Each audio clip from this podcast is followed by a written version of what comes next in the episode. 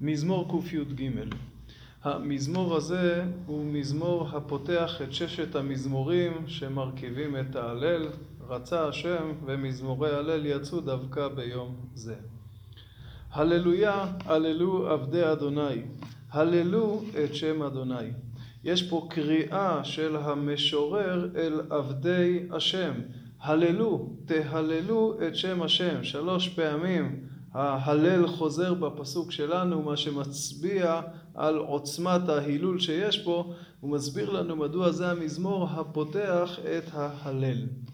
ומיד נענים עבדי השם לקריאה ומהללים את השם, וכך הם אומרים: יהי שם אדוני מבורך מעתה ועד עולם, ממזרח שמש עד מבואו מהולל שם אדוני, רם על כל גויים אדוני, על השמיים כבודו. הפסוקים הללו מתארים את כבוד שם השם שמקיף את הכל. פסוק ב' מתאר את זה בממד הזמן. שם השם מבורך מעתה ועד עולם. ראוי הוא להיות מבורך על ידי כולם בכל זמן ועת. פסוק ג' מתאר את ממד המקום. ממזרח שמש ועד מבואו, מהמקום שבו השמש זורחת מהמזרח ועד המקום שבו היא שוקעת, דהיינו מהמזרח ועד המערב, בכל מקום ראוי שיהיה מהולל שם השם, או שמהולל בפועל למי שיודע לראות ולהתבונן. ועכשיו פסוק ד' מדבר על ממד הגובה. רם על כל גויים השם, על השמיים כבודו, ריבונו של עולם גבוה מעל גבוה, מעל כל בני האדם ואפילו מעל השמיים. יש שמסבירים את הפסוק הזה, שרם השם מעל כל הילולי הגויים ומעל כל הילולי צבא השמיים. כל מה שתנסה להלל את הקדוש ברוך הוא לא תצליח לבטא ולו במשהו מכבודו הגדול. מי כאדוני אלוהינו המקביעי לשבת, המשפילי לראות בשמיים ובארץ. אחרי שתיארנו את כבוד השם ואת גדולתו, את היותו גבוה מעל גבוה, עכשיו אנחנו מגיעים לעיקר הנקודה. מצד אחד הקדוש ברוך הוא מגביה לשבת, כלומר יושב בשמי שמיים, אבל מצד שני הוא משפיל מבטו לראות בשמיים ובארץ. הוא משגיח פה למטה על כל מה שנמצא ואפילו בעמקי תחתיות.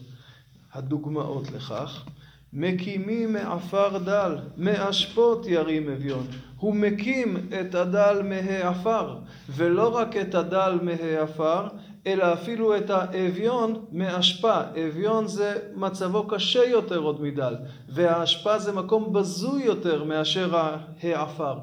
אז אם הקדוש ברוך, שימו לב, הקדוש ברוך הוא יושב מעל השמיים, כל כך רם ונישא, אבל הוא מגיע, השגחתו מגיעה עד להשפתות, משם הרים את האביון.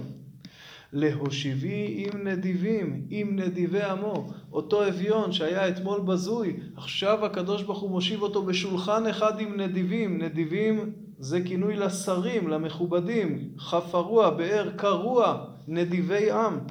ועוד נדיבי עמו, אלו שראו את האביון במצבו השפל. הם עכשיו יושבים לצידו. זה הביטוי הגדול ביותר לרוממות שקרתה, למהפך שהתרחש לאביון. מושיבי עקרת הבית, אם הבנים שמחה, הללויה. דוגמה נוספת ועמוקה יותר למהפך שעושה הקדוש ברוך הוא לכך שעיניו מצויות פה בארץ. את אותה אישה עקרה הוא מושיב בבית והופך אותה להיות אם הבנים שמחה. עקרת הבית, עקרת כמו גברת, לאו דווקא בסמיכות. הוא מושיב את העקרת, הוא מושיב את העקרה בבית. כלומר, האישה העקרה ללא הילדים חוששת שהיא תשולח, שבעלה יגרש אותה. והוא מושיב אותה בבית. כיצד? על ידי זה שהוא פותח את רחמה והופך אותה להיות אם הבנים. יש פרשנים שמציעים לקרוא את זה בסמיכות. כלומר, הקדוש ברוך הוא לוקח ומושיב את עקרת הבית והופך אותה להיות אם הבנים שמחה. השינוי הזה הוא גדול מהשינוי אצל העני. שם זה היה שינוי שהתבטא ברוממות כבודו, ופה זה במהות, במהותה, בחשיבותה, בתפקידה העקרות היא קשה מכל, והנה הוא פותח את רחמה והופך אותה להיות אם הבנים. אז אם כן, המזמור הזה, כפי שאמרנו, המזמור שפותח את ההלל, עניינו התפעלות של המשורר, של עבדי השם, מהפער בין גדלות השם ועד היכן המקום שאליו מגיעה השגחתו. הוא גבוה מעל גבוה, אי אפשר בכלל לתאר את גדלותו. והוא יורד ומשכיח עד עמקי ארץ, מרים את העני, מרים את האביון, פותח את רחם ההכרה. וזה המבוא לכל ההלל. זה התשתית להלל. הגדולה של הקדוש ברוך הוא והשגחתו פה במציאות. יש שפרשו את הפסוק האחרון כבר על ציון. ציון קרויה עקרה, רני עקרה לא ילדה. המדרש אומר שבע עקרות הם, מונה את האימהות ומסיים בציון. ואם כן מושיבי עקרת הבית, אם הבנים שמחה הללויה, פירושו של דבר, מחזיר בחזרה את עם ישראל אל ציון שהייתה כאישה עקרה בזמן שעם ישראל היה בגלות. שני הפירושים נכונים כמובן. אם נתבונן במזמור כעומד בפני עצמו, אז אנחנו לא צריכים להגיע לציון. המזמור מתאר את השגחת השם, את הפער העצום בין גדלותו להשגחתו בארץ.